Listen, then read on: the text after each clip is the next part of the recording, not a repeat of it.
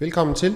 Du lytter til Golf.dk's podcast Spil Med, og øh, ja, vi er i 2021, og vi er i gang med en række podcast, hvor vi sætter fokus på integreret plantebeskyttelse, og øh, vi har allerede lavet en og udgivet en, hvor vi snakker om, hvad golfbranchen kan bruge af teknologi og data og lære øh, af den måde, man har tilgængelige data. Øh, og i dag, der skal vi så snakke lidt om, hvad golfsporten kan lære af andre brancher og sektorer for at optimere den måde, som vi plejer vores golfbaner og måske også hvad andre brancher og sektorer kan lære af golfsporten. Øhm, vi sidder i Herning i dag, i MCH Arena, og øh, lige bag mig, der har jeg udsigt til en øh, virkelig velplejet fodboldbane. Det er relevant for dagens tema, øh, men hvordan det er, det, det kommer vi lige til at vende tilbage til lidt senere. Vi har tre gæster i studiet i dag. Den ene er Anders, Anders Faber Nielsen, som er stabschef for drift og service i Herning Kommune, hvor du har været siden 2007. Øh, og en del af dit ansvarsområde, det er plejen af 200 hektar boldbaner og 400 hektar parkområde. Herning er pesticidfri kommune, øh, og det har en stor betydning for, hvordan I løser jeres opgave med at holde ukrudt stangen. Paul Henning Petersen, du er konsulent i SIGES, som er et videns- og innovationshus, der rådgiver landmænd. Og du rådgiver især landmænd inden for anvendelsen af pesticider.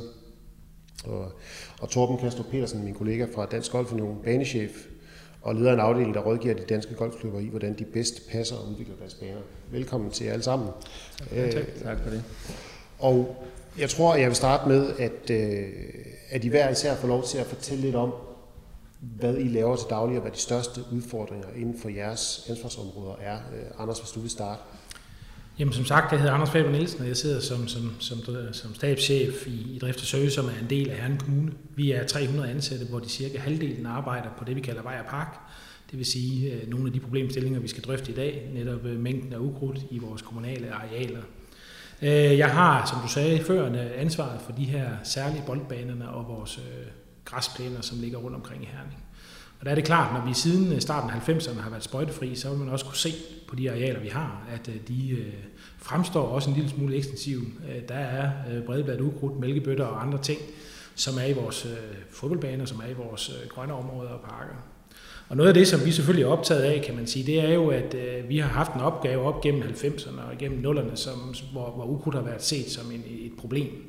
Men med en dagsorden omkring øh, bæredygtighed og, og, og diversitet, jamen så er det helt store tema lige nu, det er jo det her vildt med viljebegreb. Altså hvordan indfører vi i de kommunale arealer, ikke lige nødvendigvis boldbanerne, men ellers de resterende grønne øh, områder, vi har, et mere, kan man sige, øh, råt udtryk og lidt mere, kan man sige, øh, øh frisk udtryk, forstået på den måde, at den forskellighed, der ligger i det at kigge på et grønt område, kan forandre sig fra øh, år til år og fra sæson til sæson. Vi er jo oplært, jeg er selv faktisk grundlæggende gartner, og uddannet i planteskolebranchen, og hvor pesticider, da jeg blev uddannet i 85, jo øh, var en stor del af måden at drive planteskole på. Og min opfattelse af god kvalitet, det er jo også, at vi ikke har, har ukrudt i vores bede og ukrudt i vores plæner. Og der er det jo klart, med, med 35 år i arbejdsmarkedet, så er jeg jo også i gang med en transformation i at se, hvad, hvad er god kvalitet. Og øh, god kvalitet kan faktisk også være øh, diversitet. Øh, men øh, diversitet for mig, det er en spændende snak, fordi den jo ofte koblet sammen med økonomi. Øh, man vil gerne se øh, diversitet som en besparelse. Og der har vi i hvert fald nogle tal, der viser, at fordi man ønsker vild med vilje og blomster, så er det ikke nødvendigvis en øh, besparelse på vores driftsbudgetter. Så det er en spændende vej, vi er på vej nedad, og det gælder for Herning Kommunes borgere, det gælder for os som gartnere. Vi skal vende os til, at tingene de bliver en lille smule mere øh, øh, forskellige. Tak for det, og jeg tror, at nogle af de ting, du nævner, de også er noget, som, som andre i rummet her kan genkende til. Øh, Paul Henning fra Sikkes, det hvad du så lige her nu kan fortælle lidt om, øh, hvad du arbejder med, og hvad dine største udfordringer er. Ja, øh, det kan jeg, og øh, jeg skal måske lige starte med at sige, at jeg også er uddannet i 85 øh, som agronom fra Lemme Højskolen, som nu er Københavns Universitet. Og jeg har arbejdet 10 år som konsulent ude ved landmændene og rådgivet omkring planteproduktion. Og så de seneste 25 år, der har jeg primært beskæftiget mig med ukrudtsbekæmpelse, som jo gennem alle tider har været en af de helt store udfordringer ved at have landbrug. Altså helt tilbage, da man begyndte den første agerdyrkning, der har ukrudt jo været en af de ting, man har brugt rigtig mange kræfter på at holde nede. Mm. Og, øh, og det har sådan set ikke ændret sig, selvom vi nu har fået kemiske øh, midler, altså pesticiderne, som vi fik der i øh, de første der i 40'erne og 50'erne. Og så har vi jo haft øh, 5-6 årtier, hvor, hvor det har været en dominerende måde at bekæmpe ukrudt på. Men øh, vores store udfordring er nu, at nu bliver der færre og færre midler, og vi ser nu resultatet af så mange års brug som resistente bestande af ukrudt, som ikke længere kan bekæmpes, øh, når man øh, sprøjter på planterne. Altså fuldstændig parallelt til, når vi bruger antibiotika inden for medicinen, så udvikler bakterierne resistens. Det er fuldstændig samme mekanisme, vi ser for ukrudtets vedkommende. Så det, det, det er helt sikkert en kæmpe udfordring i, i, i de kommende årtier for os. Tak. Og til sidst, Torben? Jamen altså, jeg, jeg føler mig jo helt ung her. Jeg blev færdiguddannet i 2001, så, og jeg har været i golfbranchen nu i, øh, ja, det er snart 17, øh, 17 år, og øh, det her med pesticider var jo sådan set noget af det, jeg blev ansat til i sin tid at få styr på i forhold til vores branche, fordi der var noget politisk fokus på øh, nedbringelse af pesticider, det var der sådan set siden ja, 99, tror jeg, det blev sat på dagsordenen af, af Svend Auken på det tidspunkt. Nu skulle det hele være pesticidfrit, og det ramte selvfølgelig også golfsporten. Så det har været omdrejningspunktet for meget af det, vi, øh, vi går og, og rådgiver i vores, øh, vores lille rådgivningsteam på, på tre mand i forhold til de her golfklubber. Og øh, jeg vil sige, udfordringen er jo, øh, man kan sige, nu ser det meget ukrudt her, og det, det oplever vi jo også. Det her med, at øh, med færre pesticider og mindre forbrug og strengere lovgivning betyder, at vi får et andet udtryk på banerne, at vi får simpelthen mere ukrudt at kigge på. Og øh, så det her med, hvis man havde en forventning om, at man skal have de her perfekte græsoverflader, så, så er det en udfordring, som, som vi har set en tendens til. Den bliver udfordret nu, at øh, det kan vi måske ikke forvente i fremtiden. Øh, vi har også nogle helt særlige arealer på golfbanerne, de her greens, som vi passer ekstra godt på.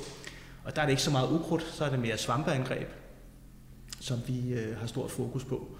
Så, så der er måske nogle, nogle forskelle der, men det her med mindre pesticider, det giver nogle udfordringer plejemæssigt, det giver nogle udfordringer, øh, du nævnte også øh, drift øh, økonomisk, Anders, som, som noget af det, som man, som man også kigger på.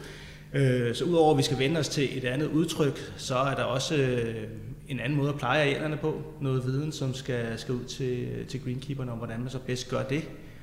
Og en forventningsafstemning, ikke mindst med, med golfspillerne om, hvad er det for et udtryk, man kan forvente på, på golfbanerne i fremtiden. Tak. Og øh, altså jeg føler først en trang til at indskyde, at jeg er færdiguddannet i 2005. så jeg er den alleryngste, det øh, og, og så, vil jeg, så vil jeg lige hive fat i noget, som jeg hørte dig sige, Anders. Du brugte ordet ekstensivt. Øh, og det, det kunne jeg godt tænke mig, at du lige forklare os, fordi jeg tror måske, det har relevans for noget af det, vi skal snakke om senere. Jamen forstået på den måde, at øh, som jeg synes jeg, altså, vi har jo haft en opfattelse af, at skarpklippede kanter, øh, rene græsplæner, bøgehækken, der bliver klippet to gange om året, er udtrykket for god kvalitet. Men, men når vi kigger ned i den der øh, måde at tænke anderledes, og det her med, at det bliver ekstensivt forstået på den måde, at det at blive få, få en, en divergent ind, altså det med, at vi bliver anderledes i det udtryk, vi ser, og at det, at en mælkebøtte faktisk også er smuk. Nu har jeg jo siddet, altså vi blev jo som kommunal ansat sendt hjem jo, jeg har faktisk siddet hjemme næsten et helt år, øh, og jeg er så heldig, at jeg er nabo til mine svigerforældre, og de har en, øh, en, en ejendom, og der går en 7-8 kalve, øh, dyrekalve på den, og den er fyldt med mælkebøtter om foråret. Og jeg må jo konstatere, at når jeg sidder og kigger ud på den, så bliver jeg glad. Altså jeg bliver rigtig, rigtig glad for at se noget, som er så smukt. Øh, omvendt, når jeg kigger på min egen græsplæne, som nødvendigvis ikke ligner MCH Arena, det skal I ikke tro, men det er jo selvfølgelig klippet og holdt, som det skal gøre. Så den her forståelse af, hvad god kvalitet og hvad er godt for øjnene, det er i hvert fald noget, som jeg er i gang med at vende mig selv til. Men en ting er jo mig som person, og andet er, at vi har jo næsten 90.000 mennesker i Herning, som jo også skal forstå, at det her med diversitet, altså det her med at se ting anderledes og opleve forskelligheden i det, vi har, det er et rigtig interessant skift. Men så vil jeg bare lige sige, problemet med monokulturer, det kan være græs, det kan være træer. Nu har man jo i kommunerne haft forskellige sygdomme, der har gået på elm, kastanjetræer. Vi snakker også om sygdomme i E. Det er jo et kæmpe problem, når vi vælger de her monokulturer, også i, i skovbruget. Ikke? At pludselig så og en monokultur? Altså, hvor du går én type af, af, af træer. Altså, vi er nødt til at være mere, vi er nødt til at have en større palette. Så når vi planter træer i alléer i dag, så kan det være forskellige typer af træer, forskellige sorter af træer, som ikke er sårbare for de samme ting. Og det fortæller bare noget om, at vi måske bliver nødt til at gøre op med den her øh, meget, meget Altså, når vi kigger på græs eksempelvis, så har vi jo, altså jeg ved jo, at eksempelvis DLF udvikler helt vildt på sorter, også i foder til, til, til, til landbruget. Så de bliver nødt til at kigge på nogle sorter, som er mindre sårbare, og som, hvis, hvis der går et svampeangreb i, så tager det ikke alt græsset. Så er der noget græs, der er resistent for den her type af svamp. Og det er det, vi udfordrer af, synes jeg, det er, at vi har en opfattelse af, at når vi har noget godt, så gør vi rigtig meget af den her ene ting. Og når vi så rammes af en amerikansk snudebille eller en, en, en, en svamp, som vi ikke har set før, så bliver vi fuldstændig sat skakmat. Og øh, derfor tror jeg bare, at den her diversitet, vi taler om, kan være rigtig sund, også for den her branche. Nu er jeg meget enig, når vi snakker greens, så snakker vi også MCH Arena. Her er vi i et hysterisk øh, tilfælde af, at der, der snakker vi ikke diversitet. Øh, vi håndlurer alt væk. Men, altså den græsplæne, der er lige her, den skal leve op til noget helt særligt. Fuldstændig der er ikke så meget samme, samme niveau, som ja. er. Men der er jo altså, det er 1000 kvadrat, eller undskyld, 10.000, en hektar. Altså, vi plejer 600 hektar ved siden af. Det er det, der er interessant. Ja. Poul Henning, jeg kan se, at du har... Jamen, øh, jeg har også lyst til at sige, at inden for landbruget, der er det jo præcis samme problemstillinger, vi arbejder rigtig meget med. Fordi altså, vi har jo vores marker, og, og dem vil vi jo gerne have bedste mulige udbytter øh, i. Og, og klimagevinsten, den er oplagt, når man kan få et højt udbytte for en, den indsats, man nu gør, så, så giver det det bedste øh, klimaregnskab.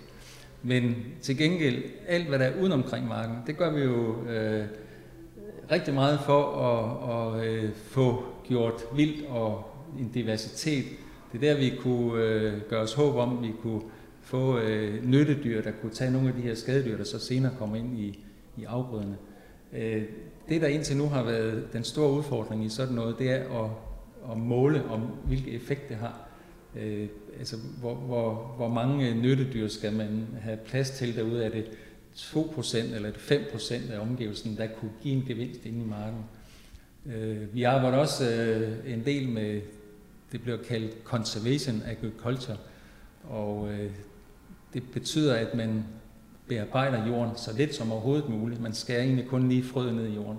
Alt andet øh, gør, altså skal, skal ske uden maskinkraft. Og øh, øh, der ser man også, at, at der kommer flere nyttedyr. Det kan man i hvert fald måle. Og, og, og, og, og øh, øh der er så også nogle omkostninger, fordi sådan et system, når man snakker landbrug, det kan kun køre ved, at man så nedvæsner ukrudt, før man sår sin afgrøde med glyfosat. Mm. Og det er jo ofte ret kontroversielt, øh, den anvendelse af glyfosat. Mm. Og når jeg hører dig snakke om, om, om, om din verden, så tænker jeg, at der er den forskel, at du behøver ikke, eller dine kunder og kontakter behøver ikke leve op til æstetiske krav på samme måde, som, som øh, Torben oplever i sit og, og du oplever i dit. Fordi jeg kan jo ikke lade være med at tænke, at når jeg hører dig sige øh, vild med vilje, og vi skal lære os påskynde biodiversitet, og at tingene ser ud på en anderledes måde, og at vores æstetiske opfattelse udvikler sig, altså at det måske bare er dansk for, at vi skal nøjes med mindre. Og, og som golfspiller kan jeg jo godt tænke, at det er også det, jeg skal som, som golfspiller, at, øh, at, at det bare ikke bliver helt, hvad det var i gamle dage, og sådan er det. Altså, øh, er, er, er det det, I prøver på at sige?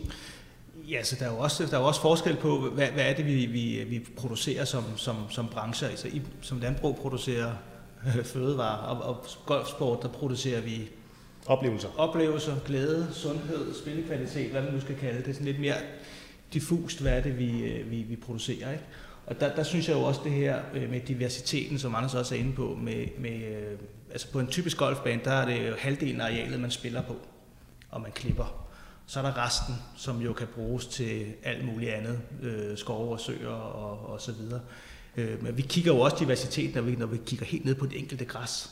Altså når vi sælger greens, så har vi øh, forsøgsparceller, øh, hvor vi tester, hvilke græssorter klarer sig bedst mod svampeangreb, eller står tættest, eller har den flotteste farve. Og så firmaerne, når de så har testet deres øh, græssorter, så putter de dem i, øh, i øh, poserne, som bliver solgt til os bagefter. Og der opererer vi jo også med, at vi ikke har monokultur. Altså typisk på vores greens, så har vi forskellige græstyper, som kan stå flot i løbet af en hel sæson, og som kan modstå, hvis den ene skulle blive ramt af svamp, så kan de andre stå flot, og man kan lukke sig hurtigt igen og sådan noget ting. Så den der med diversiteten omkring, øh, for at sikre sig en større robusthed, det er jo præcis det samme, vi arbejder med helt ned på, på mikroniveau. Ikke? Så der, der er det jo ens, kan man sige. Ja, ja og, det, og det er jo den diversitet, vi så i landbruget arbejder med i form af det, vi kalder sædskifte. Mm. Og det vil sige, at vi roterer afgrøderne, så det ikke er den samme afgrøde, der kommer år efter år, men de kommer i en rækkefølge. Og det er for at modarbejde ja. resistens også, kan jeg forstå. Undskyld. Det er også for at modarbejde resistens. Ja, ja, ja det, det, det mod, modarbejder. Øh, dels øh, forhindrer vi, at, at nogle bestemte ukrudtsarter opformerer sig bliver et problem, fordi vi skifter afgrøde. Og det modvirker også øh, udvikling af, af resistens, fordi så, øh, altså det der med, at vi ikke får så meget ukrudt, vi kan holde det nede, og at vi kan også bruge forskellige ukrudtsmidler fra år til år, det, det betyder også noget. Øh, og så synes jeg egentlig også, at, at, at vi kan sige, at, at vi i landbruget øh, vil forsøge at øh, levere oplevelser ude i øh, naturen, fordi vi dækker jo en rigtig stor del af Danmarks areal. Øh, så derfor har vi også mange øh, arealer omkring markerne, som øh, kan have et større eller mindre naturindhold. Og, og der bliver jo gjort øh, blandt mange landmænd en stor indsats for at finde de urentable øh, markkanter og hjørner og så videre, og få, få skabt en, en, en natur der, hvor, hvor man kan opleve måske nogle flere sommerfugle og nogle flere fugle og så videre. Men du repræsenterer en enorm branche. Altså det er jo en kæmpe stor sektor, ja. landbruget i Danmark og, og, og i Dansk Golfunion der er det jo, der er det jo en noget mindre sektor, selvom golf er en stor sport i Danmark efterhånden. Men hvad tænker du, og også når du så hører, øh, hvad, hvad, hvad, hvad kommunerne arbejder udefra, hvad, hvad tænker du, at de kan lære øh, af den måde, andre arbejder? Hvad tænker du, at lighederne er i de problemstillinger, du står med? Jamen, jeg tænker, en af de vigtige ligheder her, det er, at vi nok skal prøve at arbejde med den måde, vi ser vores, øh, øh det kunne være vores marker og, og, og de områder omkring markerne, hvordan vi ser vores byområder, og hvordan vi ser vores golfbaner. Det der med, at vi har, vi har nogle arealer, hvor, hvor vi gerne vil øh, have en bedrift, bestemt bedrift, fordi øh, dem, der skal bruge os, dem, der skal have vores fødevej, eller dem, der skal spille på vores fodboldbane, de har bare nogle krav. Og, og, og der skal vi bare finde nogle måder at, at leve op til det. Øh, det føler jeg også, altså, vi har nogle forbrugerkrav, og i sidste ende er det jo det, der driver landbruget, det er, at vi, vi kan lave nogle, nogle fødevarer, som øh, forbrugerne øh, sætter pris på. Ja, jamen altså, jeg tænker, det, det går jo på mange ben, men jeg tænker, der er sådan to store øh, temaer. Det ene, det er jo det her meget, meget effektive land, vi er. Det er jo også, vi er jo også effektive, altså branchen, så min branche er også vældig effektiv. Vi, øh, vores klipper, de er 6 meter brede, og vi, altså, som jeg siger, altså vi klipper faktisk 400 hektar om ugen. Det er faktisk pænt stort landbrug øh, flere gange endda. Så, så, så det er jo altid en effektivitet, der hele tiden taler ind i, hvad det er, vi skal. Og det er det også for landbruget. Altså, det handler jo om billig fødevarer, og det, det, det skal være en helt anden snak. Altså, jeg synes jo godt, vi kan give lidt mere for en liter mælk, grundlæggende, eller for et stykke rugbrød. Altså, det, mås- det handler måske også lidt om, hvad er, hvor, hvad, hvad, hvorfor skal det være så effektivt, og hvad, også som slutforbruger, hvad er det egentlig, vi hele tiden efterspørger? Ikke? Altså, markedet for det, du repræsenterer, landbruget, er jo i voldsom konkurrence øh, og hele tiden skal optimere, og der er kemi jo en del af det at optimere omkring sin produktion, det er helt naturligt. Ja.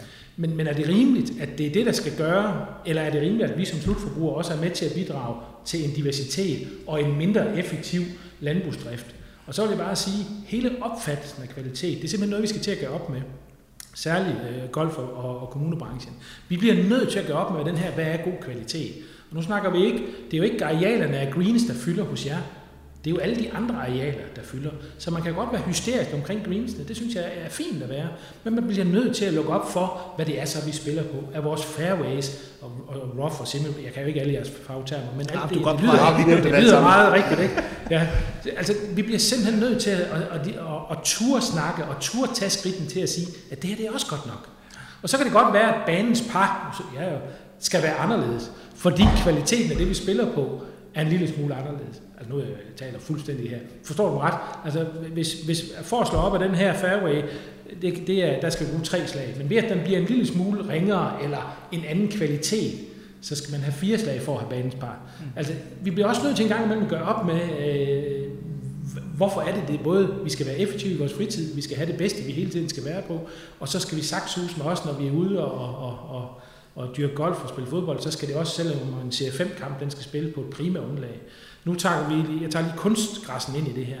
Kommunerne er jo vildt begejstrede for kunstgræs.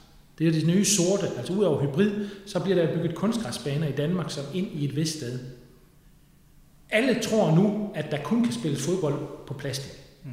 Vi har så mange fantastiske fodboldbaner, der kan spilles rigtig fantastisk fodbold på.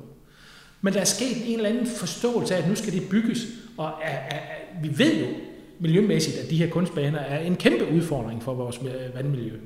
Men ikke, ikke desto mindre så opstår der sådan en folkebevægelse om, at selv en lille trold på 8 kan kun spille fodbold på kunst, og gamle senior på 62 skal Saxhusen også ind og spille på kunst.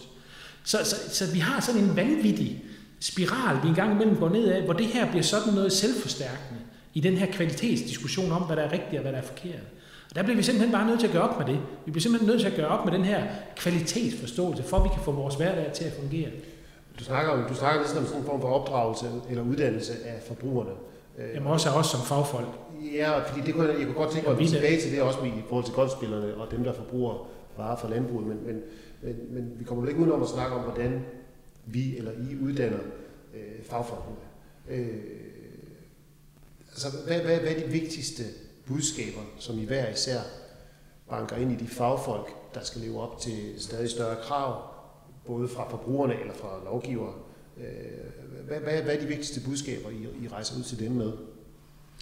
Jeg, jeg, jeg vil godt prøve lige at tage fat i den her kvalitetssnak også, for, for det, den der opdragende ting, og hvad er god, hvad er god i vores tilfælde, golfsporten, hvad er god spillekvalitet. Ja. Øh, mange, mange gode golfspillere oversætter det med en hurtig green, som man har en fornemmelse af, når man starter med at potte her, så ryger bolden derover. Altså man har en forudsigelighed, og man har en ensartethed i de her greens. Så det er sådan den, den, den man kan sige, den elitære del af det. Men det skal påvirke, eller det skal helst ikke påvirke golfspillets forudsætninger. Vi skal kunne finde bolden. Øh, den skal ikke være begravet i øh, hvid øh, kløver, så vi ikke kan finde den hvide bold. Øh, og vi skal kunne have en, en, en ret god forståelse af, at hvis vi laver et godt slag, så bliver vi også belønnet for det. Så der, hvor man kan sige, at, at ukrudt eller svampe går ind og påvirker forudsætningen for spillet, det er der, hvor det bliver mest problematisk øh, for os. Men altså, hvad, hvad er god spillekvalitet? Altså det kan jo være lige fra, at man synes, at øh, golfbanen ligger nær byen, og der er en god øh, øl i restauranten bagefter, og man har haft en god oplevelse sammen med sine, øh, sine venner, eller til at man går helt øh, øh, agronomisk til det og siger, hold op, det var øh, gode og hurtige og sunde, øh, jævne greens. Og der, der tror jeg også, at vi som fagfolk, og det har vi nogle gange snakket meget om, i hvert fald internt i vores lille rådgivningsgruppe her, hvem er det egentlig, der sætter de der krav? Altså er vi som fagfolk med til at skubbe på, at tingene skal være perfekte, ud fra et græsmæssigt synspunkt? Øh, eller kan man stille spørgsmålstegn ved det der? Og hvem er det egentlig, der, der sætter de der øh, krav ude i klubberne? Er det, er det de få højt råbende på terrassen, hvor at øh, de 95 procent måske sagtens kan leve med et mere øh, uldent udtryk? Og der tror jeg, at vi som fagfolk, øh, både som konsulenter, men også øh, øh forskere og, og greenkeeper osv. måske nogle gange er, er, er de værste i klassen til at, at sætte et, øh, et måske urealistisk øh, krav til, hvad det er, vi skal præstere. Øh, og det er jo svært, at vi bliver udfordret fremadrettet, når vi så ikke har de redskaber, der skal til at skabe det perfekte, så er det, at vi skal gå ind og arbejde med den her kvalitetsforståelse. Så det, det, det, det er en kæmpe opgave, og det er, det er en proces. Jeg, jeg, jeg bliver nysgerrig på, om der er en tredje faktor, fordi at, at jeg gik jo ind til den her udsendelse med en tanke om, at der var ligesom to grunde til, at at man er udfordret. Man er udfordret nedefra af forbrugerne og kunderne, og man er udfordret oppefra af, af lovgiverne og myndighederne. Men, men, men det, det lyder også som om, at en, et parameter af det her, det er øh, den faglige stolthed hos dem, der selv udfører det her erhverv. Du har flere hundrede mennesker til at tage sig af kommunens arealer, øh, og det kan være svært at leve med noget, som man er opdraget til at tro skal være på en bestemt måde. Øh, er, det også en, et, et vigtigt parameter i det her? Jamen, jeg, jeg, jeg synes jo, og landmænd måske også? Ja, helt sikkert, fordi de her ting spiller jo sammen, fordi øh, enhver landmand og enhver, der har en profession, har jo en eller anden faglig stolthed. Slet ikke tvivl om det. Men øh, lad os nu tage den her med det vilde øh, som et eksempel. Der synes jeg jo, det er helt fantastisk at se, at øh, den der kampagne, øh, det blev tit kaldt øh, vild med vilje, øh, hvor man øh, måske nøjes med at slå en, en smal kant af grøftekanten og, og lade blomsterne øh, komme op, og man ser boligforening, man ser industrigrunde, og, og vi har også selv øh, hos Sikkes øh, i, rundt om vores bygninger ladet noget øh, blomster vokse op, i stedet for at slå det hele sommeren. Så, så der, der er jo på ganske kort tid kommet sådan en, en, en bevægelse øh, øh, vild, vild med vilje. Og jeg tænker, øh, og, og der kan jeg da give eksempler på, at jeg har en kollega, der, der, der laver det, vi kalder naturtjek, og det vil sige, at de besøger øh, landbrugsbedrifterne, går en tur med, med, med landmanden og finder ud af, hvor, hvor kan der laves lidt, lidt natur, og, og det er jo rigtig tit, at det kan være noget, man slet ikke har tænkt på. Øh, det kan være en stenbunke, der er, er levested for øh, fireben og så videre, der bare skal have lov at ligge øh, Øh, træs, gamle træstammer, som man lader være med at fjerne i stedet for, som man tidligere gjorde for at fjerne dem. Øh, lad være med at og, og, og, og, og skulle have ukrudtsfri øh, på steder, men lad, lad der komme lidt blomster osv. Så, så der er jo masser af, af, af knapper, og som ikke engang øh, altid koster noget. Jamen, altså noget af det nu, er jeg jo, jeg, er jo, jeg kommer fra Midtjylland og har de her store plantager, bare lige for at sige det, og der er der ikke i tvivl om, at nogle af de gamle skovfoder, de roterer dernede i deres grav, på hvordan de ser nogle af de her plantager vedligeholdt. Men det er det her med, at når træer vælter, får de lov at blive liggende, de rødner, de bliver, altså det bliver jo til urskov, altså det her med, at man går tilbage og siger, at den her meget, meget hardcore træproduktion, man havde i statsskovbruget, det er jo reduceret voldsomt til, at det i dag er en oplevelsesskov øh, øh, i stedet for, og at når, man, når der er noget væltet ned over en grusvej, jamen, så er der kun lige skåret af i begge ender, så man lige kan komme forbi. Resten bliver bare slæbt ind til siden. Og det er måske også det, igen, vi kommer til at tale om, at, at vi opdrager de her gamle skovfoder, det var aldrig sket i deres tid. Der ville blive ryddet op, skovbunden var ren. Det kunne slet ikke diskuteres. Vi er også en produktion. Altså jeg tror, gennemsnitsalderen for, for en gartner i drift og service, den er 50. Altså, vi er jo opdraget til, hvad god kvalitet er, og vi, vi diskuterer det her med, når jeg har medarbejdere, der siger, at det er en elendig kvalitet, vi leverer. Jamen i forhold til hvad? Altså elendig. Ja, i forhold til, vi har haft nogle kvalitetsbegreber, hvor en femmer er den højeste. Ikke? Jamen en toer er der en dårligere kvalitet end en femmer. Men det at kan levere en god kvalitet, det kræver faktisk i en toer, det kræver faktisk en dygtig gartner. Så det er bare for at forstå, at kvaliteten i det, man gør, det er ikke i topkvalitet, men i beskrivelsen af, at det, du skal kan levere, det er faktisk det, der efterspørges. Og det stiller enormt store krav til medarbejderne at forståelsen for, at noget er ekstensivt og lade en stå til, er faktisk også en kvalitet, som er god. Det er en besluttet kvalitet. Det er en kontrolleret kvalitet. Og derfor kan man sige, når vi oplever borgere, der, noget af det, vi er blevet opmærksom på, det er, når vi laver vild med vilje, øh, som vi gør, noget af det, man skal sørge for, det er, at man skal klart definere, hvor er der vild med vilje. Og det, man gør typisk, det er ved at lave en slået kant rundt. Det vil sige, her kan man se, at inde i området her, der får tingene lov til at komme og vokse, som de vil. Så det utrænet øje kan se, der er... Men kanten mod stien og kanten mod hækken, den er klippet. Og det vil sige, det giver et indtryk af, at det her det er et bevidst valg. Fordi det, der sker i kommunen, det er, når vi lader ting stå til, så oplever herre fru Jensen, at det her det er et spørgsmål om at spare penge. Det er dårlig kvalitet, vi kommer ikke efter. Men når man laver nogle klare skæld mellem at sige, at det her det er et bevidst valg, det har vi valgt at gøre, fordi, og det gør vi med den her meters kant, vi ligesom præciserer her, så kan folk forstå det. Her er der taget en beslutning om, at det er sådan, det ser ud. Og så vil jeg sige til sidst her, kommunikation. Sørg nu for, at folk bliver informeret om, at det er det her, der kommer til at ske. Tal med dem, inviter dem ind, fortæl dem om, hvad der sker, når et område går fra kortklippet græs en gang om ugen til en gang om året, altså hvor vi slår det af, fordi det ikke skal springe i skov. Fortæl dem om, hvad det er det gode, de oplever ved det her. Hvad, det, hvad, hvad er det, det positive er ved det her? Og så oplever vi faktisk, at folk, og det vil jeg give dig fuldstændig ret i, det, for fem år siden var det her utænkeligt. Altså vi, vi prøvede det jo, måtte jo stoppe omgående. Det blev jo sager, der røg helt op i det politiske øh, niveau, og, og derfor var vi nødt. Men i dag er det jo langt mere legalt øh, for os som kommunal øh, folk at gå ud på et oplyst grundlag med borgerne og lave de her områder. Sørg nu for at få jeres brugere med i det her. Lad, lad det ikke ske om natten. Sørg for, at det sker på et oplyst, åbent dagsorden. Det her, det er ikke farligt. Og så kan man altid huske en ting. Vi kan altid gå tilbage til slået græs. Det er det aller, aller nemmeste. det, går, ja. det går hurtigt. Det går Men hvis, hurtigt. hvis nu man har det sådan, at, at øh, det lyder som om, at udviklingen den går i retning af, at man skal være bedre til at dyrke nogle andre kvaliteter. Øh, hvis nu vil de sige, at der ikke er så meget udviklingspotentiale i forhold til at, at finde måder at være lige så effektiv, som man har kunne være før, fordi at, at der simpelthen er resistens øh, hos ukrudttyper, og fordi at, øh, at øh, de, de krav, vi underlagt, bliver strengere og strengere. Altså, er der, ikke, er der ikke nogen udviklingsmuligheder den vej, så man kan lave noget, der står lige så snorlige og lige så trimmet og lige så pænt, uden at vi sviner så meget, som man har gjort? Altså, hvis jeg skal prøve at kigge tilbage sådan historisk set, hvad vi har haft af, af muligheder sådan, øh, på, for at behandle mod for eksempel ukrudt pesticidmæssigt, så er det jo kun gået en vej og det er færre midler, øh, mindre forbrug osv. Og vi er nu nede på, på et niveau nu, hvor at, øh, Altså vi har været, vi har været meget langt nede de sidste 4-5 år, øh, og vi har svært ved at komme det sidste stykke ned og, og, og droppe det helt. Øh, men det er ikke gået den anden vej på noget tidspunkt, så, så, så det her med at skulle vende sig til et andet udtryk, det, det, jeg kan ikke se andet end, at det, det, er, det er det, der er fremtiden. Og det her kommunikationsredskab, som du er inde på, Anders, øh, synes jeg jo er nogle gange er lidt øh, overset i de her pesticidsnakke. Så taler vi altid om det ene produkt og det andet produkt, og hvad er mest effektivt osv. Men det her værktøj, der hedder kommunikation, altså at man lige fortæller om, hvorfor tingene er, er uklippet. Altså på golfbanen er noget af det, man kan gøre øh, nemmest, det er jo bare at klippe mindre.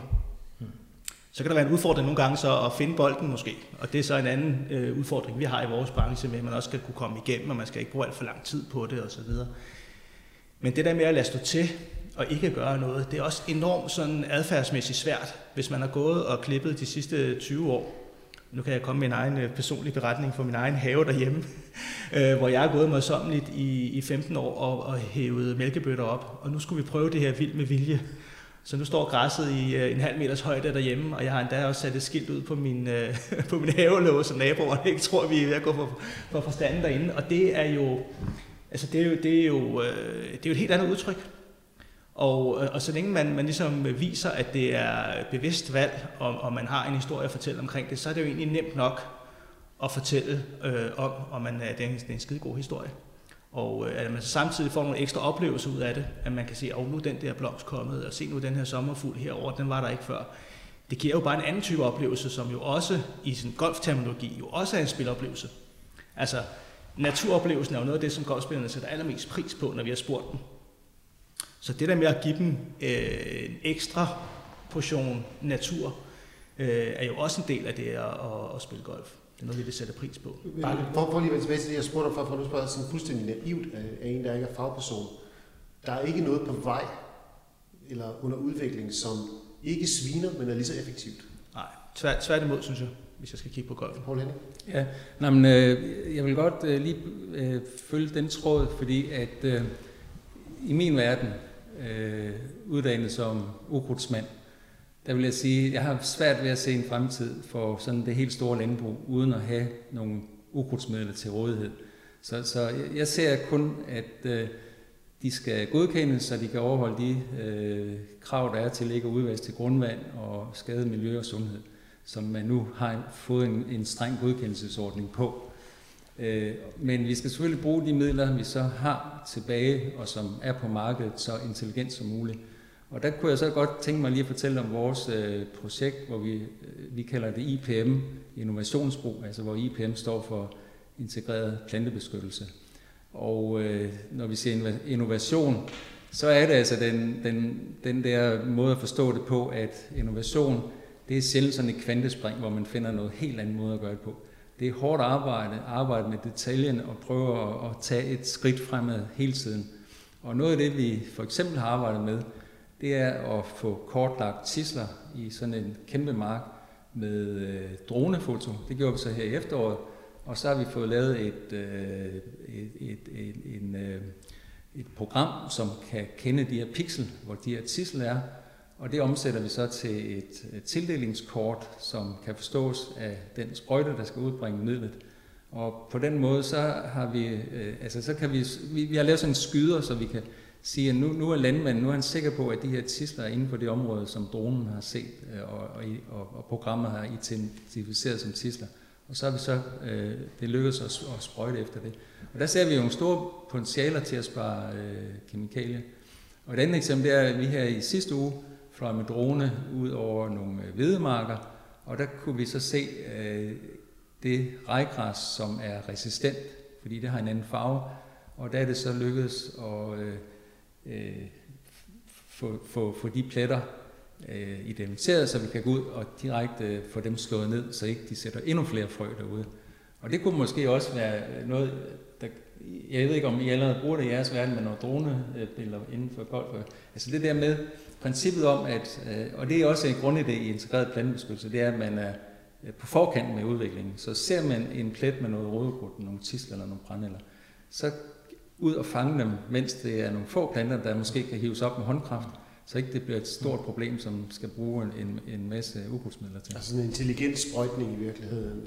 Øh. Ja, og, og nogle gange kunne det måske endda være håndkraft, så længe man, hvis man fanger problemet, og, og der tror jeg meget på, at, at sådan noget med droneredskaber der, hvor vi kan tage billeder og, og få noget intelligent behandling i de billeder, så vi kunne sige, at nu er der så en brændeldklat øh, ude i det hjørne af roughen derude. Den skal vi ud og have pillet af, inden den bliver stor. Ja, altså jeg, jeg vil sige, vi, vi følger jo meget i hælene på, på, på Henning og hans øh, vidensbank i landbruget. Blandt andet omkring det her præcisionssprøjtning, øh, hvor man med, med, med kameraer kan gå ud og identificere, hvor ukrudtet er, og så får det lige et lille sprøjt. Øh, så det prøver vi også af på, på golfbanerne, og jeg, jeg er sådan set enig med dig, Henning, eller på Henning, i, at, at det her med, at vi, vi har også stadigvæk brug for pesticiderne. Vi har stadigvæk brug for noget ukrudtsmiddel og noget svampemiddel, men vi er også nede på, på et bare meget lille forbrug lige nu. Øh, og så er det de, de, de, små, øh, de små skridt, hvor præcisionssprøjtning kan være, kan være en af metoderne, eller overvågning via droner osv. Ikke? Den her vidensgenerering, man så kan tage en eller anden form for øh, rationel beslutning omkring. Øh, men det er stadigvæk, øh, vi bruger jo meget, meget små mængder, kan man sige. Vi er, vi er jo nede på, på et meget lille niveau allerede, så det her øh, økonomiske incitament med, med afgifter på pesticider og, og så videre, altså det, det virker ikke rigtigt i golfsporten, fordi vi bruger så få liter. Mm. Så selvom vi kan spare, lad os sige, øh, halvdelen ved præcisionssprøjtning. Er det, er det, nu ser jeg nemlig, at bliver nysgerrig. Er det sådan et, det er sådan et, et realistisk sjus, halvdelen, at man kan reducere med 50 vi, vi, vi prøvede for et par år siden, hvor vi prøvede sådan et præcisionssprøjtnings projekt, hvor vi puttede noget rød pølsesaft i en sprøjte, og så gik vi ud og, og markerede, hvor at det her ukrudt var, og så tog vi billeder af det. Og der var det cirka, i forhold til en fuld sprøjtning, så var det cirka øh, halvering af, af, af forbruget. Men, men de fleste golfbaner i dag, de sprøjter ikke fuldt. De, de plet sprøjter i forvejen. Og når vi bruger så få liter som det er, så de der par tusind kroner, man kan spare i sprøjtemiddel, det gør ingen forskel øh, inden for golfsporten. Men, da, da, da kommunerne blev sprøjtefri, altså da man lavede den frivillige aftale med Sønderhavn på daværende tidspunkt, der stod kommunerne, staten og amterne på daværende tidspunkt for 2,5 procent af de, de pesticider, der blev brugt. 2,5 procent. Så kan vi diskutere, giver det overhovedet mening? Jeg synes, det giver mening, fordi der er nogen, der må starte, og hvis man skal fortælle andre, at de skal gøre mindre, så må kommunen, stat og amt, eller hvad hedder det så regioner, så må de jo gå foran. Og så vil jeg sige, det der med, at vi aldrig kommer fri, altså jeg, jeg tror, jeg er meget enig i landbruget, der, der, der tror jeg, der, der udvikler man det på tingene øh, og, og resistensen. Altså, øh, jeg havde lige et godt eksempel med æbler, det kommer jeg lige tilbage til. Men, men, men inden for oplevelsesindustrien, det tror jeg bare, altså den her helhedsorienterede tænkning omkring at sige, at når vi skal sprøjte nogle steder, så er der simpelthen andre steder, vi ikke skal sprøjte. Altså, vi bliver nødt til at se vores forbrug som, når vi har kassen at tage i, hvem er det så, der skal have første ret? på at tage i kassen. Forstår I, hvad jeg siger? Mm. Altså, vi, vi, vi, kan ikke, vi kan ikke sige, at øh, kommunerne det er en kasse, landbrug der er en anden kasse, golfverden øh, er en tredje kasse osv. Vi er nødt til at sige, at der er den her mængde af pesticider, der bruges. Hvad er vigtigst? Det er, at vi får noget at spise altså, er det vigtigt? Ja, det er det. For at vi kan levere det, der har vi nogle problemer omkring forskellige angreb, vi kan håndtere med. Men der bliver vi nødt til som samfund at støtte op omkring at sige, at det er der, vores indsats den gør den største gavn. Og så må jeg jo sige som kommunalmand og opdraget i en planteskole fra 82 til 85, hvor der var fantastiske midler. Altså når jeg sprøjtede, så kunne jeg jo se, at det var gået ud, når jeg havde været hjemme og fyldt sprøjten igen. Med zone, fantastisk blanding, som jo simpelthen var, det var gult, når man kom 20 minutter senere, så var det, så var det visnet ned. Ikke? Altså, der er jo fundet nye metoder. Når jeg ser øh, det største gardneri i området, øh, Axel Monson, som jo ligger med hans folk og lurer på de her vogne. Nu så jeg en lille udsendelse med 600 hektar gulerødder, der bliver håndlugt. Altså, så selvfølgelig kan tingene lade sig gøre, men så kommer jeg lidt tilbage, jeg må så bare give en fem og mere for en pose gulerødder. Det er jeg bare nødt til at sige. Det er prisen for, at jeg gerne vil være med til det. Og så vil jeg sige, når vi nu udvikler på ting, altså frugthaven er jo det værste eksempel på, hvad man gør i udviklingen en gang imellem. Det er jo, at jeg kan få nogle super flotte æbler, der hverken har skurv eller noget som helst, men de smager ikke af en skid. Men de er simpelthen blevet lavet for, at de er flotte og super og fantastiske at se på. Jeg vil da hellere spise et skovfodet æble, der har en lille smule skurv, som er helt ufarligt at spise, men som smager fantastisk. Så kommer vi lidt tilbage til kvaliteten. Altså, hvad, hvad pokker er det, vi kigger efter? Og der har man bare desværre op igennem 60'erne, 70'erne, 80'erne, der har pesticider og alle vores hjælpemidler kunne skabe nogle produkter, der har fjernet alle vores problemer. Og det kunne jo være, at vi skal til at gå tilbage. Altså, det er jo ikke, at udvikling altid handler om at kigge fremad. Det handler også om, at udviklingen engang imellem kigger tilbage. Og min svigerfar på 78, som er gammel landmand, nogle af de dyder, han tillægger hans landbrug, Det er faktisk interessant at kigge lidt på. Altså, hvad er det for nogle dyder, der ligger til grund for noget, der også kunne lade sig gøre før? Så ved jeg godt, at effektiviteten i det her moderne industrisamfund har gjort nogle andre ting ved os. Men, men vi kunne måske også som gartner og som fagfolk søge lidt tilbage til nogle af de, apropos, får vi sat ind på det rigtige tidspunkt. Jamen, vi har haft pesticiderne. Det er da ligegyldigt. Når jeg ser en, øh, en majsmark, der er helt gul af græs, og jeg tænker, at det her det bliver der aldrig til majs, og så kører jeg forbi den otte dage senere, og så er den fuldstændig, altså det er grønne majs og gul græs. Ikke? Jamen, øh, det er fordi, vi kan. Altså, det er simpelthen fordi, det er ikke et problem. Vi løser bare problemet, når det opstår. Der kunne det være, og jeg er meget enig med dig i, at ret tid i omhu, at vi kommer ud og får pillet, håndteret problemerne i det sekund, de opstår. At frøbanken, den fjernes, mm. når den er der, og ikke fordi vi kan sprøjte den væk tre måneder senere.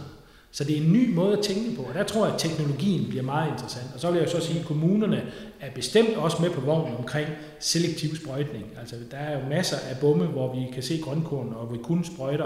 Det vil sige, at kommuner holder mange, mange hundrede kilometer fortov på 2 liter glyfosat. Og så kan man begynde at diskutere hele forståelsen i, at det bedre at køre med gas og hedevand, der bruger dieselolie og udleder CO2, frem for at bruge 1,8 liter glyfosat til at holde alt. Det er bare for at sige, regnestykket er jo meget interessant, når man begynder at vende den på hovedet. Mm. Altså hvad kommunerne lige nu bruger energi på at flytte gasflasker fra A til B, transportere dem på tunge maskiner med hedevand og, og, og varm luft, vi blæser på det her ukrudt. Altså CO2-udledningen, den er enorm. Nu, Nu, nu, øh, øh, ja.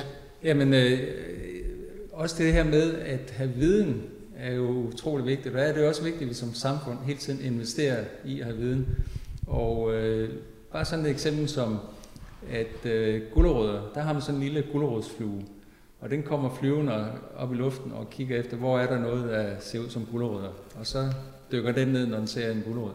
Så der var faktisk en økologisk producent, der fandt ud af, at hvis han lavede en stor mark, så kunne han få de her fluer til at stykke ned i de yderste rækker.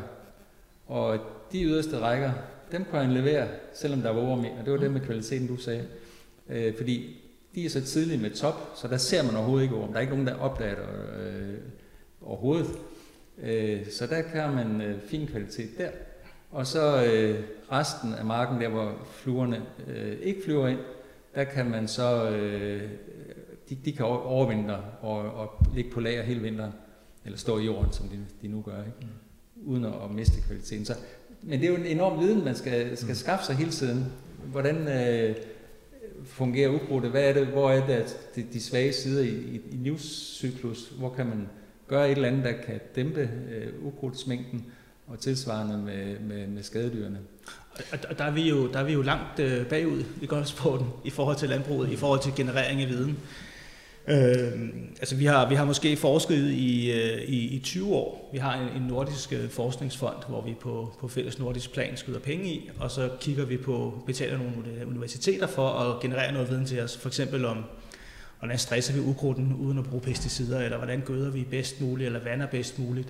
Øh, men, men det er jo stadigvæk ikke ret lang tid, og det er jo relativt få ressourcer, vi har, vi har til det. Men den her vidensgenerering, tager sindssygt lang tid, og den der kendskab til skadevoldere, øh, om det så er insekter, eller om det er svampe, eller, eller ukrudt, den viden, den er vi sådan set kun nærmest begyndt på at generere. Der kan jeg jo godt kigge misundeligt over på Paul Henning og se nogle af de der øh, databaser, I har, og varslingssystemer og alt muligt andet, og vi er bare overhovedet ikke der endnu. For det kræver, det kræver så meget øh, mere viden, og der, der er vi kun på vej hen lige nu. Jeg er også lidt nysgerrig på, fordi at, øh, Anders, du ved jo noget om, hvad det vil sige at skulle arbejde pesticidfrit. Og der tænker jeg, hvad, hvad, hvad kan du bruge det, Torben? Fordi når vi snakker pesticider i golfsporten, så snakker vi under en hat og generelt. Men der er også stor forskel på, hvad golfbanerne bruger af pesticider. Øh, og, og det, kan være, det kan være, du kan fortælle lidt om det, hvor tæt vi er på pesticidfri. Måske ikke generelt, men så nogle steder. Ja, men jeg, jeg sad faktisk og tænkte på det før, fordi vi har jo, vi har jo, vi har jo de der cirka 186 golfbaner, og, og hvert år er der de skal jo indberette hvert år til Miljøstyrelsen, hvor mange øh, pesticider de har brugt, og de har nogle lofter, de skal, de skal holde sig under for hver enkelt bane. Og der kan vi se, at hvert år der er der cirka 20 klubber, lad os sige cirka 10 procent, som er pesticidfri. Og, øh, og, og Hvad de kræver har, det af dem? Hvad kræver det af dem at være pesticid? Jamen, det kræver, øh, det kræver øh, måske nogle flere ressourcer i forhold til at, at gøde og vande, og måske øh, strile deres øh, klippe lidt oftere, så de holder kløveren nede og sådan nogle ting. Så der kan være nogle mere mekaniske ting, de skal gøre. Øh, og så kræver det også noget kommunikation til deres, øh, til deres medlemmer, men det kan, jo, det kan jo godt lade sig gøre. Hvad kræver det af medlemmerne at bakke op om en pesticidfri golfklub? Jamen, jeg tror, det kræver, at man har en forståelse for, at man, at man glæder sig over, at der kan være mælkebøtter, eller at man lever med, at man øh, kan lande i en, i en tissel eller, eller noget kløver. Øh, men, men det er jo ikke ens betydende med, at det er en dårligere golfbane. Mm. Altså nogle af vores, øh, vores fine golfbaner hjemme kører også pesticidfrit. Mm. Udfordringen kan så være, at når vi kigger på det over tid, mm. så kan vi godt have nogle golfbaner, som er pesticidfri i, lad os sige, 5 år, 6 mm. år. Mm. Og så har de her lad os sige, kløverplamager eller bellisplamager har, har vokset så store, og så er det blevet for meget, så kan det være svært at finde bolden. Og så kan man have behov for at gå ud og, og behandle en enkelt gang. Så, så nogle gange så, så ser vi, at man kan sige, at den der pesticidfri øh, ideal, det, det holder i en vis periode, og så især ukrudtsdelen, den bliver, den bliver på et eller andet tidspunkt for voldsom. Men det, det synes jeg er meget interessant, og det, jeg synes jo, det er den vej, vi skal ned af.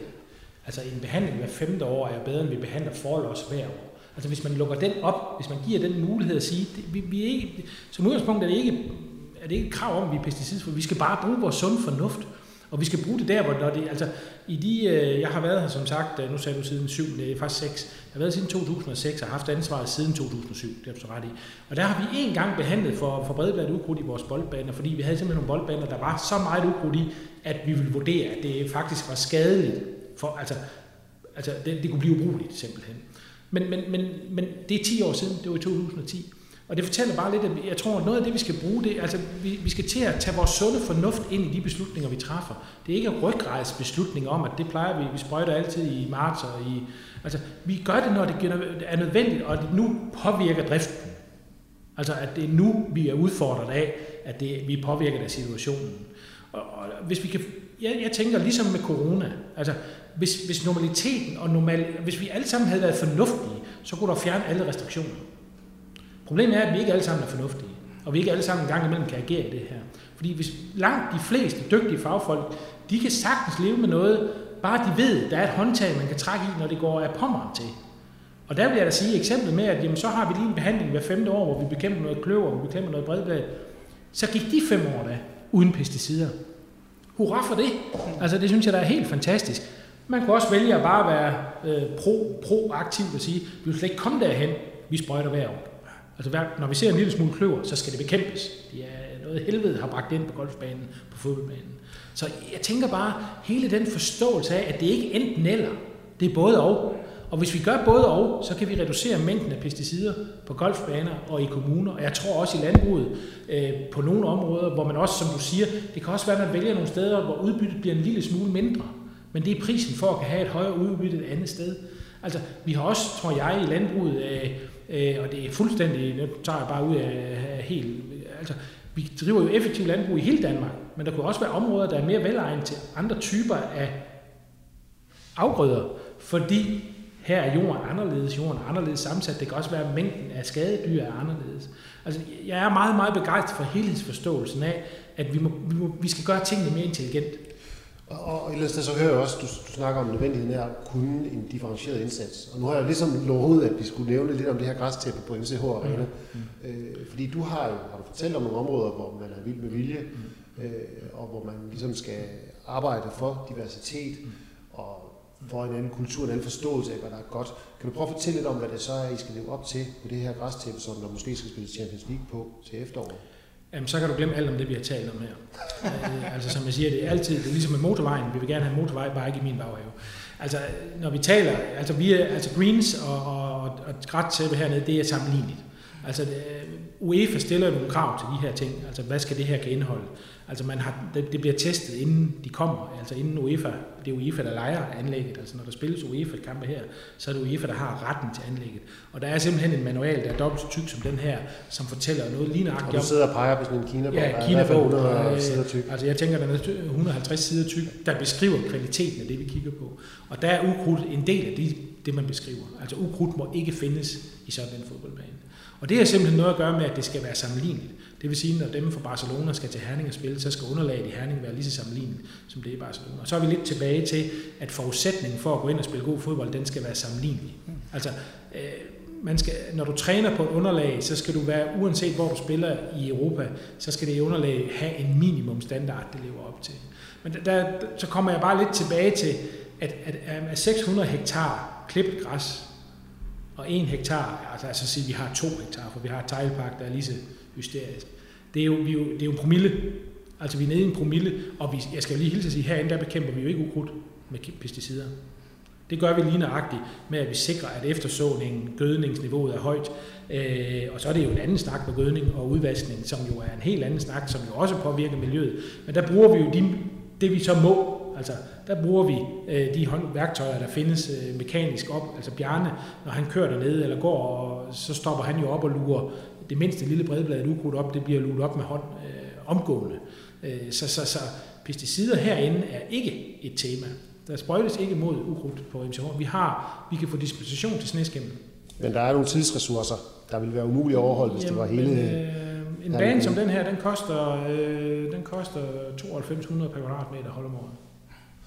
Paul Henning, du markerede, inden jeg kom til at dreje samtalen over på fodbold. Jamen det var fordi, at det der med det kløver, det fik mig lige til at tænke på, øh, at, at det er jo også noget, vi kender som en, en, en afgrødeplante. Mm-hmm.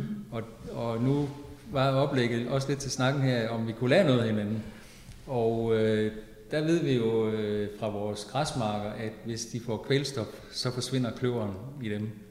Så jeg tænkte jo egentlig på, bruger I allerede det som redskab og øh, give lidt ekstra øh, kvælstof, og, og, og nu med sådan nogle teknologier som præcisionsjordbrug, øh, altså man kan GPS bestemme, hvor man vil give kvælstof, så kunne man jo egentlig forestille sig, at man gav kløverpletterne, så kunne man måske komme ned og sprøjte hver 10 år. Altså vi har faktisk prøvet lige præcis den der okay. øh, for, for mange år siden, det, øh, hvor man blandede mikrokløver i de her græsblandinger, så man fik netop den der kvælstof effekt. Udfordringen var, at, når man så ikke øh, gødede det her overhovedet, så, så spredte det her kløver sig, og så blev det ikke så mikroagtigt, når vi så kom ud i, i det, vi har i, i øh, semi-rof og roffen, hvor det bliver, hvor vi klipper øh, i højere klippehøjder. Så udfordringen var, at det, simpelthen, det spredte sig for meget, så man, man, gik, man gik fra det øh, igen. Men tanken var jo sådan set rigtig nok, at man ligesom kunne... Ja. Jamen, jeg tænkte her, at man, man så, hvis, hvis man kunne begrænse øh, ren kvælstof, altså indkøbt kvælstof, handelsgødning, til pletterne, og så give det, og ikke gøde med kløver. Oh, okay. Ja, altså det er jo det der med mm. kløver, det binder jo sit eget kvælstof. Mm. Ja. Men det her tænkte jeg på, der indkøber man øh, handelsgødning, gøder kun kløverpletterne, og dermed fremmer græsset. Okay, så kunne man måske, altså man, det er jo en substitution, ja. eller en udskiftning af et pesticid med noget gødning. Og så er det jo så afhængigt af, hvor man er er der, er der et kvælstofproblem i forhold til grundmænd og så videre. Men, men det vil jo være mikroskopiske områder, hvis det endelig var. Altså hele, hele den der gødningssnak øh, ja. har vi jo faktisk ikke så meget inden for golfsporten. Vi, vi er jo ikke øh, begrænset, kan man sige, mængdemæssigt, som, ja. som I er. Ja. Øh, så der, der er også en, en, en forskel der. Altså vi taler meget gødning i forhold til, at vi vil optimere vores, øh, vores græs. Ja. Øh, men vi er ikke interesseret i at producere græs. Det er også der, der kan være en forskel. Vi skal ikke have så meget græs som muligt, for så skal vi bare ud og klippe endnu mere. Ja. Så vi er interesseret i at ramme en balance, for at det kan stå for, for slid og pres, samtidig med, at vi ikke skal give for mange øh, ressourcer til det. Ikke? Så, så, så der, der er sådan en lidt, lidt en forskel der. Vi skal ikke, øh, vi skal ikke producere. Tværtimod, så skal vi optimere ja, ja. væksten. Men jeg tænker også på, Anders, når nu, nu peger ud på, på MCH Arena her, altså, I skifter jo også tæppet en gang imellem. Det, det gør vi jo, det kan vi også gøre en gang imellem på vores mm. greens, hvis det er helt, hvis det er helt gralt. Men det er jo også en forskel på, på man kan sige, drift af nogle typer af stadions, hvor man har den her mulighed af, at man skralder mm. det hele af, mm. og så lader man, øh, lægger man noget helt nyt frisk på. Det, det er ikke en praksis, vi bruger jo. Altså, når, det er jo interessant, at nu kan man sige, at MCH Arena gør det kun, når, når, når der er et arrangement. Vi skralder ikke toppen af her, eller vi, vi udskifter ikke græsset når der ikke er noget. Og det er grund til, at vi gør det nu, det var, at der kommer et, et ridestævne i 22, som gør, at, at vi skal have en hybridløsning. Og da vi ikke kunne nå det på 6 dage, så har vi gået et år forud. Altså vi har lavet noget jordforbedring nu, som gør, at vi ikke skal gøre det i, i 22. Men når du siger topskraldning, det er jo faktisk noget af det, vi bruger. Og blandt andet omkring de enårige græsser, som vi jo heller ikke er voldsomt begejstrede for, jamen så øh, vi skærer 2 øh, cm af en del af vores baner som en ukrudtsbekæmpelse. Altså eftersår så med, med, med, med nyt græs. Og det vil sige, at vi fjerner en del frøbanker, som ligger i toppen, altså bortkører en del af frøbankerne, som ligger i toppen, og den enårige, som jo har evnen til at, at brede sig på særligt vores breddeidrætsbaner, bliver bekæmpet. Øh, så, så, så, og, det, og når vi snakker enårige græsser, som er noget af det, vi udfordrer af på boldbanerne, fordi de også er sårbare om vinteren, og det er dem, der går skimmel i, og, og så videre, jamen, så ved vi jo også for eksempel, at hvis du har en lille smule, øh, hvis du har lidt is i maven, så det her med at holde, holde igen med dit vand, Altså lad nu være at sørge for, at hele, alting er vandet op. Nu er vi for mange år siden stoppet med at vande vores fodboldbaner. Det gør vi faktisk ikke længere. Vi, vi kan næsten have baner, der går ud, øh, fordi det er en beslutning, man har taget, at her i en kommune, der vander vi ikke som udgangspunkt vores, vores idrætsanlæg anden dem, vi taler om her, MCH Arena og så videre. Men hvis man har en lille smule is i maven, jamen, så lad dit græs blive øh, tørt, fordi den ene øje, den reagerer jo lynhurtigt, den ligger højt med sine rødder, og den er jo en elendig plante som udgangspunkt. Den er fantastisk til at overleve, fordi den sætter frø og sætter frø og sætter frø, men som, som, som styrke, slidmæssigt, vintermæssigt, er det jo det ringeste produkt, vi overhovedet har. Altså, det er jo også ukrudtsgræs hos os, Ja, og vi vil også meget gerne være fri for den. ja for pokker. Men den er der. Og den kan man jo i princippet også sprøjte imod. Jeg kunne godt tænke mig, at vi også lige vendte noget andet, vi, vi kort havde snakket om inden udsendelsen her også, i forhold til at kunne lære hinanden. Jeg ved, at I arbejder med nogle demonstrationslandbrug. Øh, kan du prøve at forklare kort, hvad det er? Altså det er øh, en idé om, at øh, vi på de her tre øh, landbrug, som vi nu snakker om, øh, med forskellige produktioner, øh, prøver at sætte alle de her gode idéer til, øh, hvad man kan gøre for at forebygge problemer, øh, sætte dem i spil, og så på den måde øh, være et øh, udstillingsvindue til rådgiver og landmænd. Øh, Så, så der, der ligger også en stor formidlingsdel i det. Øh, Og øh, vil vi har øh, mulighed med Miljøstyrelsens støtte har fået øh, nogle ressourcer til det, øh, så, så kan vi lægge forholdsvis mange kræfter i og, og afprøve øh, øh, forskellige øh, idéer. Øh, så, så det er sådan et lille laboratorium, øh, vil jeg kalde det. Men det, er, altså det, det foregår på helt kommercielle øh, vilkår øh, for landmændene, så, så det skal hver gang være noget, de står inde for øh, driftmæssigt. Så, så, så, så det, er, det er meget praksisnær afprøvning, det vi, det vi laver. Det er ikke, det er ikke decideret forsøg og, og forskning, men det er at, at prøve netop at, at sætte øh, gode idéer i spil. Og, og Torben, sidder du og tænker, at, at, at kunne det være noget, man kunne gøre med, med baner i Danmark? Jamen altså, jeg har, jo, jeg har jo været inspireret af tanken, for jeg kan godt lide tanken om, at man prøver nogle ting af i praksis, nogle steder, der minder rigtig meget om, hvad man ellers har. Øh, så, så tanken har været der. Jeg, jeg tror nogle gange, at vores udfordring inden for golfbaner, det er, at, øh, at de er meget forskellige. Altså nu, nu ved jeg heller ikke, hvor, hvor, hvor præcis øh, regulær en, en mark er, om man kan tage den ene mark og sammenligne direkte med den anden, men vi gør i hvert fald meget ud af inden for golfsporten, at banerne er meget forskellige. Er meget, meget forskelligt bygget op, og, og nogen ligger i skygge, og nogen har en øh, kløvermark som nabo, og alle mulige andre ting, der gør, at nogle gange kan være svært at overføre en til en de her erfaringer, man nu, man nu gør sig. Ikke? Men det her med at samle ind best practice, det er jo også noget af det, vi ser som vores fornemmeste opgave, at samle ind. Hvad, hvad gør man i, i Tønder? Det kan måske bruges på Bornholm. Øh, de der tips og tricks, som man kan samle ind. Og det er jo også, kan man sige, en form for, for demonstration. Det er bare for, for alle landets golfbaner, hvor vi så har den rolle, at når vi besøger så mange baner, som vi gør, at vi så samler de gode idéer ind og spreder det ud. Men, men tanken om at have nogle deciderede forsøgsområder, det, det, det opererer vi jo sådan set også med, når vi laver nogle af vores forskningsforsøg. Så tester vi nogle forskellige ting, og så inviterer vi greenkeeper ind og ser, hey, hvordan ser det egentlig ud her? Så holder vi sådan noget, der kalder markvandringer, hvor vi går ud og, og kigger på den praktiske effekt af det, vi prøver. Men jeg vil også sige, at selv med tre landbrug, der har vi som noget af det første også erfaret, at det er nemlig den der forskellighed, øh, der er enorm. Men jeg tænker også, at det er umuligt at komme videre, hvis ikke man erkender, at der er den forskellighed, fordi det er jo det, der samtidig er barriererne for, at vi finder løsninger. Mm. Så vi skal, kende, øh, vi, vi skal kende alle de udfordringer, der er på den enkelte golfbane eller hos den enkelte landmand, for at kunne øh, få idéerne til at komme videre. Jeg kunne godt tænke mig her, her til sidst, og lige, jeg kom jo til at tænke på, at jeg var ude og spille golf i går aftes, på en bane, jeg aldrig havde spillet før. Og øh, greens og fairways var fine. Øh, roffen den var rigtig, rigtig tyk og høj. Og når jeg slog min bold derud, så var det tit, man ikke fandt den igen. Hvad er den gode nyhed for mig, hvis, hvis jeg ikke bryder mig om, at roffen er så tyk? Du kigger rigtig meget på mig, Claus. Kan jeg Ja, jeg kigger på dig, Torben. den gode nyhed for dig? Jamen, øh, altså den gode nyhed, det er jo, at man skal, øh, altså det her med den, med den tykkere rof, det kan, man jo, det kan man jo også gøre noget ved, sådan rent plejemæssigt, for eksempel. Man kan, man kan høste den og høste let og, og så videre over tid, så bliver den tyndere.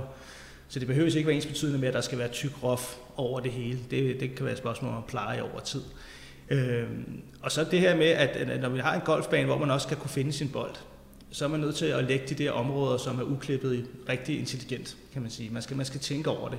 Men, men, men der, er også, der er også nogle muligheder derude, hvor man i dag måske klipper lidt mere, som man altid har gjort. At man måske sætter spørgsmålstegn ved, hey, kunne vi lade nogle ting stå her, som alligevel aldrig er i spil.